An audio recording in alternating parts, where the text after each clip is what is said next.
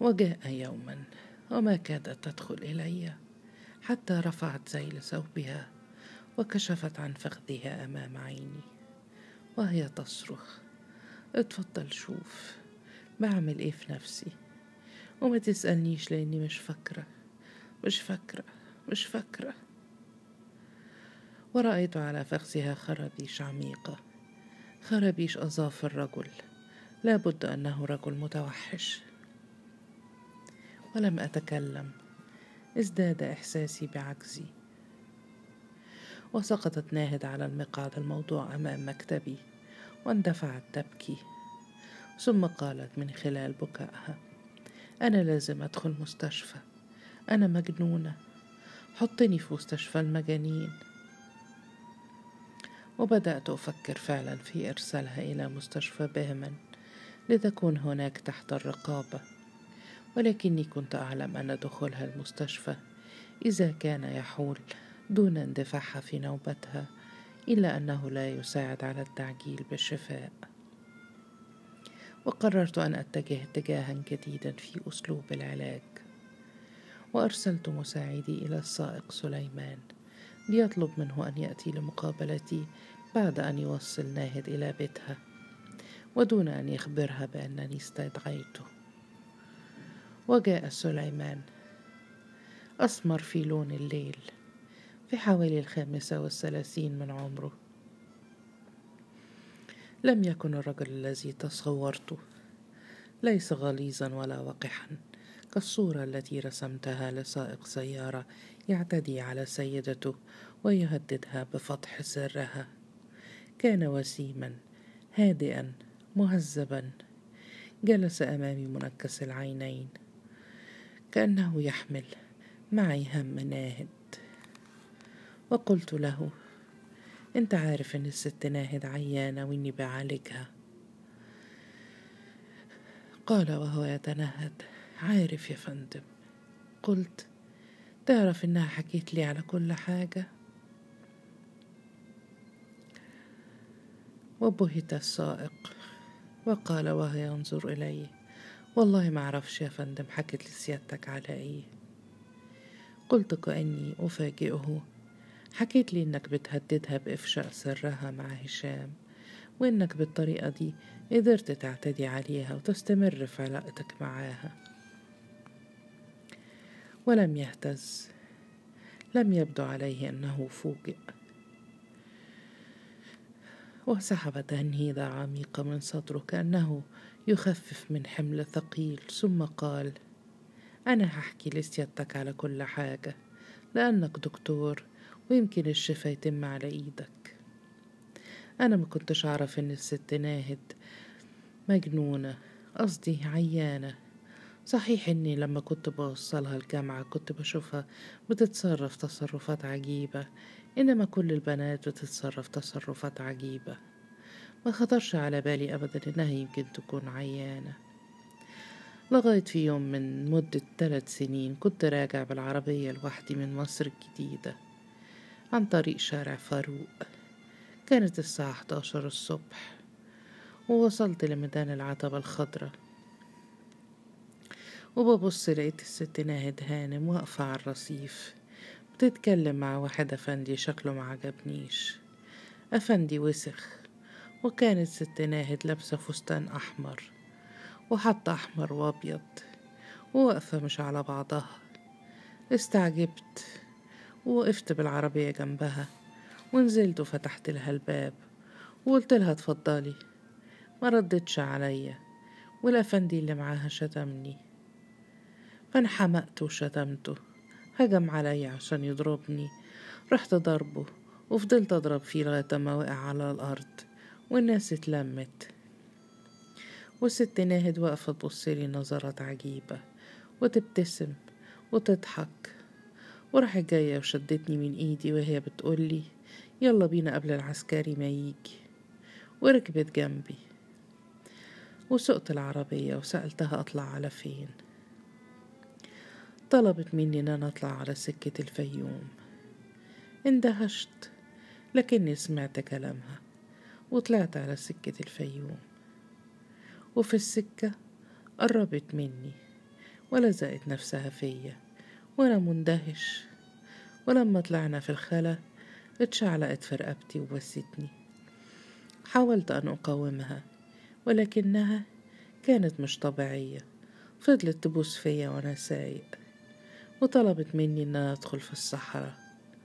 عند مدينة الخيام وبعدين طلبت مني إن أنا اقف وهجمت عليا. وهي بتقولي أنت بتحب ناهد كل الرجالة بيحبوا ناهد وعاوزين ناهد. وما قدرتش أقاومها. ما أعرفش حصل لي إيه يومها. يمكن الخناقة اللي أنا اتخانقتها هزت أعصابي. استسلمت للست ناهد. عملت اللي هي عايزاه. وسكت سليمان وأخرج منديله كأنه يهم بالبكاء ثم قال أنا لحم ودم يا سعاده البيه ما كانش ممكن أستحمل أكتر من كده. قلت وكانت بنت؟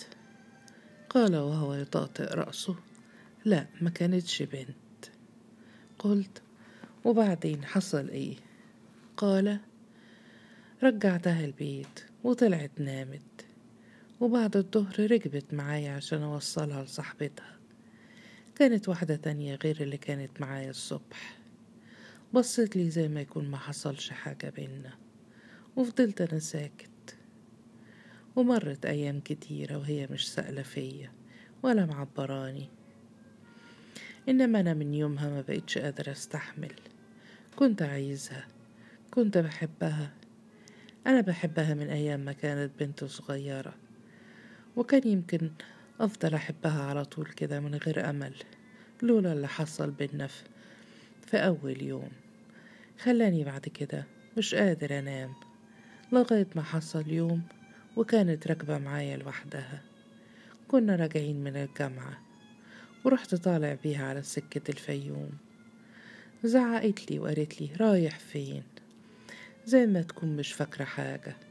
وضحكت في سري وقلت لها هنروح مشوار صغير. وفضلت تزعق طول السكة لغاية ما وصلنا لنفس الحتة وقفت بالعربية ونزلت وقعدت جنبها ورا. حاولت أبوسها راحت ضرباني بالقلم. اتجننت وابتديت أمسكها بالقوة وقلت لها انتي فاكراني إني خدامك إشمعنى الدور اللي فات رضيتي بيا؟ وأول ما قلت لها كده فتحت عينها في وشي زي ما تكون بتدور على حاجة مش فاكراها. واستسلمت. واستسلمت وهي بتبكي. ومن يومها ما بقتش تقاوم. بقينا نروح عندي في البيت من غير ما تقول حاجة. وسكت سليمان قليلا.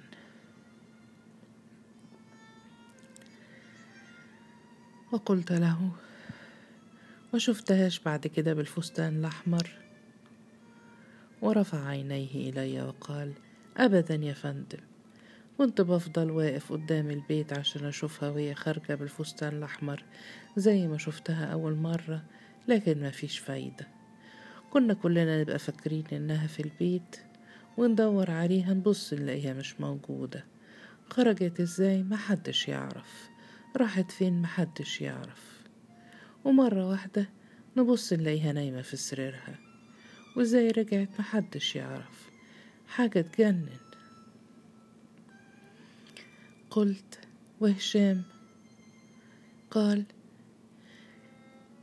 كانت بتعرفه قبل ما يحصل بينا حاجة وكان لازم بتروح له إنما أنا ما كنتش أعرف. ولم يكن يهمني أن أعرف قصة ناهد مع هشام. كان يكفيني قصتها مع سليمان وهي تبدو قصة منطقية. فقد استسلمت له ناهد لأول مرة وهي متقمصة شخصيتها الثانية. ثم استسلمت له مرة ثانية عندما قال لها إنها استسلمت له أول مرة. فهي تعلم أنها تأتي بتصرفات عجيبة عندما تنتبه النوبة. تصرفات لا تذكرها عندما تفيق ولكنها تجد آثارها على جسدها فلما قال لها سليمان إن من بين هذه التصرفات أنها استسلمت خافت منه وضعفت شخصيتها أمامه واستسلمت له مرة ثانية وأرادت أن تغطي ضعفها فأقنعت نفسها بأنها استسلمت له لأنه يهددها بإفشاء سرها مع هشام. وانتقلت بسليمان إلى موضوع آخر. الموضوع الأهم. سألته ما تعرفش حاجة عن العلاقة بين البيه والد ناهد والست بتاعته؟ ورفع إلي سليمان عينيه كأنه يتعجب لهذا السؤال. ثم أحنى رأسه وقال والله علاقة مش تمام. قلت بيتخانقوا كتير مش كده؟ قال أبدا عمري ما سمعتهم بيتخانقوا إنما عمرهم ما خرجوا مع بعض. في حاجة كده مش مظبوطة. قلت أنت مش بتشتغل عند البي من زمان؟ قال من عشر سنين إنما ما أقدرش أعرف حاجة. كل اللي اعرفه إنهم مش تمام مع بعض. الست دايما حزينة وتعبانة وما بتخرجش من البيت ابدا. يمكن مرة كل شهر تروح تزور أهلها والبيت داي والبي دايما بيخرج لوحده. وقام سليمان منصرفا دون أن أصل من خلاله إلا إلى مزيد من الشرح الحالة ناهد لم أصل منه إلى ما يعنيني ولا يعينني على علاجها ويئست اعتقدت أني لن أصل أبدا إلى شفاء هذه الحالة. ولكن ناهد لا تزال تتردد على العيادة في مواعيد منتظمة. لم تخلف أبدا موعدا. وحالتها تسوء والنوبات التي تنتابها نوبات الشخصية المزدوجة تزداد وتتوالى. الشخصية التانية التي ترقد في عقلها الباطن تكاد تأكل شخصيتها الواعية وهي دائما تتوسل إلي تتوسل إلي أن أشفيها. ماذا أفعل؟ لقد تركتها جلسات طويلة متعددة دون أن أتخذ أي خطوة جديدة. أتركها ترقد على الأريكة وتتكلم دون أن أصل إلى جديد ودون أن أمنحها شيئا إلا قسطا ضئيلا من الراحة. وأخيرا قررت. سأتصل بوالدها. وكان هذا قرارا خطيرا فليس من كرامة الطب خصوصا الطب النفسي أن يفشي الطبيب سر مريضه وخصوصا مثل هذا السر سر ناهد. وخصوصا أيضا إذا أفشيت لوالدها. ثم إني لم أكن أعرف كيف يمكن أن يتصرف هذا الوالد بعد أن يعرف سر ابنته. ربما يتصرف تصرفا يسيء إلى حالتها أكثر. بل ربما كان في تصرفه ما يقتلها وكان علي أن أجازف في فترات اليأس. لا يجدي شيء إلا المجازفة. ولم أكن أعرف السيد محمد فخر الدين والد ناهد. ورغم ذلك اتصلت به بنفسي في التليفون وطلبت منه أن يتفضل بزيارتي في عيادتي. ودهش السيد فخر الدين وألح علي في معرفة سبب دعوتي له. ولكني أقنعته بأن هناك أمرا خطيرا يهمه ولم أقل له إنه موضوع يخص ابنته. وقبل الدعوة وربما قبلها لمجرد أنه يعرف أني طبيب مشهور يهم أن يتعرف بي. وحددت له موعدا في الساعة التاسعة مساء بعد انتهاء مواعيد مرضاي. وجاء. وأطلقت عليه النظرة الأولى فلم أسترح له. إنه رفيع طويل يبدو في الستين من عمره ناعم أنيق ولكن تحت مظهره الناعم قسوة تفضحها عيناه وتحت أناقته حذر وشك تكشف عنهما ابتسامته الناعمة. واستقبلت كعادتي ووجهي خال من كل التعبير ومرت بي لحظات سريعة أيقنت خلالها أن كل ما أعددت من أسلوب استدراجه في الحديث لن ينفع ولن يفلح معه. وأنه من الأجدى أن أواجه هذا الرجل الحذر بالحقيقة كاملة حتى أضعه أمام الأمر الواقع. وقلت له في بساطة كأن الأمر لا يهمني أكثر مما يهمه. أنا طلبت أشوف سيادتك بخصوص بنتك ناهد هانم مريضة وحالتها خطرة وأنا محتاج لمساعدتك عشان نتعاون على شفائها. وفوجئ مفاجأة ضخمة وارتفع حاجبيه من الدهشة وقال في تلعثم ناهد ناهد عيانة. قلت وفي حالة خطرة. قال وهو لا يزال غارقا في الدهشة وجات لحضرتك. قلت أيوة تتردد على العيادة بقالها أكتر من سنتين. قال عجيبة ما قالتليش. قلت ما كانش ممكن تقولك قال وعيانة بإيه؟ قلت لسه ما أعرفش ولا هي تعرف. إنما سعادتك تقدر تساعدنا إن إحنا نعرف سبب مرضها. قال أساعدك إزاي؟ إذا كان هي نفسها ما تعرفش ولا أنت تعرف أبقى أنا اللي هعرف؟ دي حاجة عجيبة عجيبة أوي. قلت وأنا لا ألتفت إلى تعليقه. لو سمحت أنا عايزك تحكي لي عن طفولة ناهد. كل حاجة عن طفولتها من يوم ما اتولدت. وتقلص وجهه وقال كأنه يشتمني. والله يا دكتور مع احترامي لك أنا ما آمنش بالكلام ده اللي بتسموه علم النفس. وأنا مش مصدق إن ناهد عيانة. تلاقيها بتتدلع. وهو الدكاترة النفسيين بقوا موضة اليومين دول. قلت في صوت جامد دون أن يبدو علي أنني غضبت لرأيه فيه. بنتك مجنونة يا محمد. بيه وخبط على مكتبي بقبضته وقال في حدة إيه الكلام ده؟ أنت عايز تجننها بالعافية؟ ولا مجنونة ولا حاجة ما هي طول عمرها عايشة معايا. وعارف إذا كانت مجنونة ولا لأ. ولسه شايفها النهاردة الصبح ما فيهاش أي حاجة. بس ضعفت شوية. قلت في ناس كتير عارفين إنها مجنونة. ونظر إلي في تردد كأنه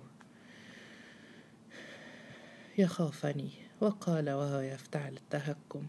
وإيه بقى اللي جننها؟ قلت مجازفا أنت. وانتفض. وعرفت من انتفاضته أنه يخفي سرا يمكن أن يؤدي إلى الجنون. وقال أنا؟ أنت ما تعرفش أنا بحبها قد إيه ما تعرفش أنا صرفت عليها قد إيه وتعبت عشانها قد إيه. قلت وأنا أبتسم له. نبتدي من الأول من يوم ما اتولدت. وابتلع ريقه كأنه استسلم لي ثم بدأ يقص علي قصة طويلة قصة عادية ليس فيها شيء غريب. إلا أنه كان ينسب لنفسه فضل كل الفضل في تربية ناهد. هو الذي كان يشرف على مأكلها وملبسها ودراستها وتربيتها. لا شيء أبدا ينسب إلى أمها. وإذا كان كلامه صحيحا فمعنى هذا أن سر اهتمامه بها إلى هذا الحد هو الشعور بالذنب. لابد أن هناك سرا يدفعه إلى كل هذا الاهتمام بابنته ولكنه لم يفصح لي على السر. كل ما أثار اهتمامي أنه قال خلال حديثه ده حتى نوبة كانت قاعدة على حجري وجيت أبوسها راحت عضاني في ودني وفضلت ودني تخر دم يجي تلات أيام. قلت كان عندها كام سنة يوم ما عضتك؟ قال خمس سنين يمكن ستة. واستمر في قصته ثم قال أنا صرفت عليها كتير كتير جدا. مفيش أب ممكن يصرف على بنته بالشكل ده. وعاد يستطرد في رواية حوادث تافهة. ثم فجأة قال لي اللي انصرف على ناهد كان يربي عشرين بنت. وقلت في خبز أنت ما خلفتش غير ناهد يا محمد بيه؟ قال في اندفاع لا. قلت يمكن الست بتاعتك أجهضت مثلا؟ قال لا. إنما لو كنت خلفت عشرة ما كنتش صرفت عليهم اللي صرفته على ناهد. واستطرد يتكلم عن طفولة ناهد وصباها وشبابها. ووضعت على وجهي قناعا من عدم الاهتمام. بينما كنت في داخلي أتحفز. كأني أهم بإلقاء قنبلة. وبعد برهة انخدع السيد محمد فخر الدين في قناع عدم الاهتمام الذي وضعته على وجهي فخفت حماسته للحديث ثم قال ادي يا سيدي كل حكاية ناهد. قلت كأني أوجه لوما شديدا إليه. والله يظهر إن سيادتك مش عايز تساعدني. الحاجة اللي كنت منتظر أسمعها منك مقلتهاش قال وهو يدعي البرود زي إيه مثلا؟ قلت كنت منتظر منك إنك تقولي إن ناهد مش بنتك. وانتفض واقفا وصرخ قائلا مش بنتي مش بنتي إزاي؟ مين اللي قالك الكلام ده؟ قلت وأنا أسلط عليه كل عيني ناهد. ناهد هي اللي قالت لي إنها مش بنتك. وسقط على المقعد وهو يلهث وهو يردد. ناهد. ناهد عرفت. لازم أمها اللي قالت لها. المجرمة. وبدا كأنه يهم بالبكاء. وتركته يهدأ قليلا ثم قلت أرجوك يا محمد بيه قولي على كل حاجة بصراحة. وسكت وهو ينظر إلي إلى أن تكلم من تلقاء نفسه وقال فعلا ناهد مش بنتي. أنا اتجوزت أمها بعدما قعدت أحبها خمس سنين. كانت ساكنة في الشارع بتاعنا. وحبيتها حبيتها صحيح. وعملت المستحيل عشان أتجوزها. ويوم جوزنا في ليلة الزفاف اعترفت لي إنها مش عذراء وإنها حامل. حامل في شهرين. واتجننت وتنهد تنهيدة عميقة كأنه يطلق من صدره أبخرة كثيفة. ثم استطرد قائلا ما عرفتش ليلة هعمل إيه؟ ما فكرتش إني أطلقها لأني كنت بحبها. كنت ما صدقت إني اتجوزتها. كل اللي عملته إني سألتها عن اسم عشقها ومرضتش تقولي ضربتها وفضلت أضرب فيها لغاية لما قالت لي. قالت لي على اسم واحد من أولاد حتتنا. كان مات في حادثة قبل ما نتجوز بثلاث شهور. مات. إنما لغاية دلوقتي هو عايش قدامي. من يوم ما عرفت الحكاية وهو عايش قدامي. بكرهه. بحقد عليه. وبتمنى إنه يكون عايش عشان أقتله بنفسي. وليلتها فكرت إن أقتل مراتي لكن ما قدرتش. فكرت في حاجات كتير إنما كل اللي عملته إني ما قربت لهاش سبتها ورحت الأوضة التانية. ومسكت المصحف وحلفت إني لا أعاشرها معاشرة الأزواج أبدا. ومن يومها لغاية دلوقتي ما قربتش ناحيتها. عمرنا ما نمنا في سرير واحد. قلت بقالكم كام سنة متجوزين؟ قال سبعة وعشرين سنة. قلت وأنا لا أستطيع أن أكتم دهشتي والست استحملت تقعد سبعة وعشرين سنة بالشكل ده. قال هي عارفة أني بعاقبها. وعارفة أنها تستحق العقاب. كانت بتتعذب ويمكن لسه بتتعذب لغاية دلوقتي. وكنت عارف إنها بتقعد كتير في أوضتها. إنما ما تنساش إن أنا كمان كنت بتعذب معاها. أنا بحبها ورغم كده حرمت نفسي منها. قلت وناهد. قال وهو يتنهد. ناهد ملهاش ذنب. ذنبها إيه إذا كانت أمها أخطأت. ويوم ما اتولدت من يومها وأنا بحاول أخبي عنها الحقيقة. نسبتها لنفسي في شهادة ميلادها واعترفت بيها وعملتها زي ما تكون بنتي. ما أعتقدش إن في أب بيحب بنته وصرف عليها زي ما حبيت ناهد وصرفت عليها. وكان أهم حاجة بالنسبة لي إنها ما تعرفش حاجة من أمها. ما تعرفش إنها مش بنتي. إنما يظهر إن كل اللي أنا عملته ضاع. أهي عرفت.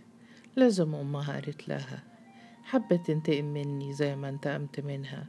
فقالت لبنتها الحقيقة عشان تبعدها عني لأنها عارفة إني بحبها. قلت في هدوء ناهد ما تعرفش حاجة يا محمد بيه. واتسعت عيناه من الدهشة وقال في صوت مرتعش ما تعرفش؟ أمال أنت عرفت منين؟ قلت سيادتك اللي قلت لي. أنا وجهت لك سؤال افتراضي وأنت جاوبت عليه وحكيت لي كل الحكاية. وسكت. وهو ينظر إلي كأني نصاب خدعته. وكنت فعلا قد وجهت إليه سؤالا افتراضيا. كنت قد لاحظت في حديثي أنه يردد باستمرار أنه أنفق على ناهد كثيرا من الأموال وهذه الملاحظة دفعتني إلى افتراض أن ناهد قد لا تكون بنته لأن الآباء عادة لا يعطون كل هذه الأهمية للأموال التي ينفقونها على أولادهم. ثم أنه لم ينجب من زوجته أولادا بجانب ناهد. ثم اهتمامه الزائد بأن يشرف على تربيتها بنفسه كل ذلك دفعني لأن أقول له أنا كنت منتظر منك إنك تقول لي مثلا ناهد مش بنتك. ولم يلحظ في السؤال كلمة مثلا فتلقاه صارخا وأصبح من السهل بعد ذلك أن يعترف لي. وعدت أقول له أنا دكتور يا محمد بيه مش محقق. ومليش مصلحة أن أساعد. مليش مصلحة غير إني أساعد ناهد على الشفاء. ثم بدأت أروي له بعض مظاهر مرض ناهد. ووجهه يمتلئ بالدهشة والغيظ والألم. إلى أن قال لي وعايزني أعمل إيه دلوقتي؟ قلت ما تقولش الناهد إنك شفتني. ما تقولهاش أي حاجة. لو عرفت ناهد إنك عارف بمرضها هتتجنن أكتر وأحسن إنك تبعد عنها اليومين دول وما تشوفهاش. قال والتأثر باد على وجهه. أنا مستعد أعمل أي حاجة يا دكتور أي حاجة. مستعد أخدها ونسافر برا وأعرضها على الدكاترة هناك. وكنت أعلم أنه لا يتعمد إهانتي فرددت عليه في هدوء وثقة. نهت هتخف والفضل مش ليا لوحدي إنما ليك. أنت ساعدتني كتير. وقام لينصرف. ونظر إلي في تردد وقال أنت هتقول لناهد هتقول لها إنها مش بنتي؟ قلت لسه مش عارف. المهم إن أنت ما تقولهاش أي حاجة. وخرج. وأصبحت عقدة ناهد واضحة. لقد عرفت الحقيقة وهي طفلة. ربما سمعتها من مربيتها أو من إحدى الشغالات. ولم يكن محمد فخر الدين يستطيع أن يخفي الحقيقة عن كل الناس. فكل الذين حوله لا بد وقد عرفوا أن زوجته قد وضعت ابنتها بعد سبع شهور من الزواج. وربما كان بينهم من يعلم بعلاقتها السابقة بعشيقها ولا بد أن هذا الموضوع تردد أمام ناهد وهي صغيرة. وكان الذي ردده يظن أنها من الصغر بحيث لا تفهم ما تسمعه. لا بد أنها سمعت أن أباها قد هجر أمها منذ اليوم الأول للزواج وأنه لا يعاشرها معاشرة الأزواج. وكانت ترى أمها دائما حزينة بائسة كأنها على وشك البكاء أو كأنها انتهت من بكاء. وكل ذلك سقط في اللاشعور سقط في العقل الباطن وتكونت عقدة ناهد. وقد حاولت عقدتها أن تنطلق في اتجاه كراهية أبيها أو كراهية الرجل الذي تعتقد أنه أبوها. بدليل أنها عضته وهي صغيرة. عضة قاسية أسالت الدم من أذنه. ولكن ضغط الظروف الاجتماعية التي تحول دون إعلان كراهية الأبناء للآباء وحرص أبيها على ألا يترك لها فرصة لكراهيته كل ذلك كتم عقدتها وضخمها وظلت تتضخم على مر السنين حتى أصبحت ناهد شابة. فانطلقت عقدتها في اتجاه خطر. أصبحت دون أن تدري. تخاف من أن يكون نصيبها من الحياة مثل نصيب أمها. أن تسقط في بئر الحرمان الذي سقطت فيه أمها. ولم تكن تستطيع أن تواجه هذا الخوف بعقلها الواعي. لم تكن تستطيع أن تعترف به. إنما ظل الخوف قابعا في عقلها الباطن. في اللاشعور وظل يتضخم حتى كون شخصيتها التانية. وقويت هذه الشخصية حتى أصبحت تغلب شخصيتها الأولى الشخصية الظاهرة. فتنطلق في فترات أشبه بالغيبوبة تنطلق انطلاقا جنسيا عنيفا. إلى حد أن تندفع إلى الاستسلام لأي رجل يصادفها في الطريق هربا من الحرمان. أو تعويضا عن الحرمان الذي تعانيه أمها. هذه هي عقدة ناهد بالتفصيل. لا يمكن أن تكون غير هذا. وبقي سؤال كان يجب أن أبحث عن جوابه. لماذا اهتم محمد فخر الدين كل هذا الاهتمام بتربية ناهد بالرغم من أنه يعلم أنها ليست ابنته؟ والجواب بسيط لقد أراد أن يعوض قسوته على أمها. إنه الإحساس بالذنب الضمير المذنب لا الحب هو الذي دفعه إلى الاهتمام بناهد. ولو لم يكن ينتقم من أمها لانتقم منها. وكل هذا الذي توصلت إليه لا يجدي في شفاء ناهد إلا إذا عرفته بنفسها إلا إذا انتزعته من عقلها الباطن. وواجهته بعقلها الواعي. وعندما تواجهه وتكتشف نفسها ستشفى. وبدأت آخر مرحلة من مراحل العلاج. لم أتصل بناهد بعد أن خرج أبوها من عندي ولم أتعجلها عن موعد الزيارة بل تركتها إلى أن جاءت في موعدها حتى لا أشعرها بأنها هناك شيء جديد. وقد جاءت كما تعودت أن تأتي. ضعيفة منهكة ممصوصة الوجه في عينها توسل واستجداء. ورقدت على الأريكة وبدأت تتحدث عن حياتها اليومية وعن المرات التي شعرت فيها بفقدان الذاكرة. ولكنني كنت قد قررت أن أواجهها بأسئلتي فقاطعتها وقلت لها في لهجة آمرة وأنا جالس خلف رأسها. اتكلمي عن طفولتك يا ناهد. أيام ما كنت صغيرة. وبدأت تتحدث في استسلام عن أيامها في الإنجليش سكول. وعدت أقاطعها لأ قبل كده قبل ما تروحي المدرسة. قالت مش فاكرة أنا كنت صغيرة أوي. قلت كان عندك مربية يا ناهد مش كده؟ قالت أيوة قلت بسرعة كان اسمها إيه؟ قالت وقد بدأت أنفاسها تتهدج اسمها اسمها فاطمة دادا فاطمة. قلت وأنا ألاحقها. كان شكلها إيه دادا فاطمة؟ قالت كانت عجوزة دايما حاطة طرحة بيضة على رأسها. قلت وكانت بتشتغل في بيت ماما قبل ما تتجوز مش كده؟ قالت أيوة أظن. قلت وراحت فين دادا فاطمة؟ قالت خرجت. قلت خرجت ليه؟ مش فاكرة مش فاكرة ده كان زمان قوي قلت افتكري كويس انتي تقدري تفتكري. قالت بابا طردها. أيوه بابا طردها. قلت بسرعة طردها ليه؟ قالت مش عارفة مش قادرة أفتكر. قلت في إلحاح لا عارفة قولي.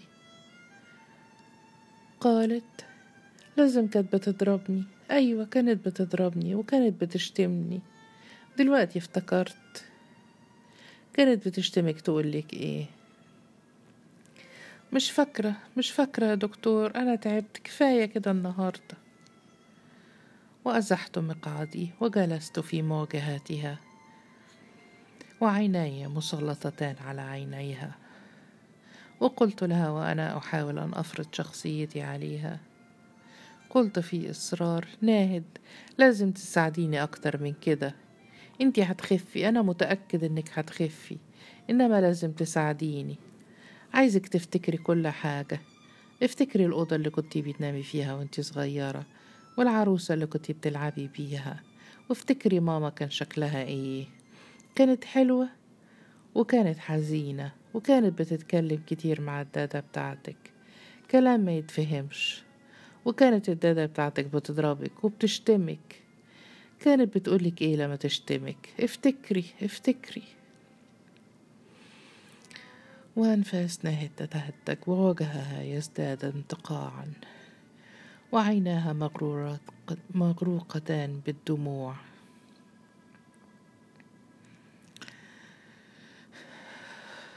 كانت تبكي عجزها. ثم قالت أنا كنت بكره دادا فاطمة. بكرهها قوي كانت دايما تشتم أبويا. كانت بتقول لي يا بنت الكلب. ونوبة نوبة قالت لي يا بنت الحرام. أيوة كانت بتقول لي. كانت بتقول يا بنت الحرام اقعدي يا بنت الحرام نامي يا بنت الحرام. وسكتت وهي تلهث وتعجلتها. وبعدين؟ بعدين يا ناهد أنا رحت سألت بابا نوبة يعني إيه بنت الحرام؟ مردش عليا وتردد فاطمة. وقبل ما يطردها شتمها. تستاهل. قلت وإيه كمان؟ فاكرة إيه كمان؟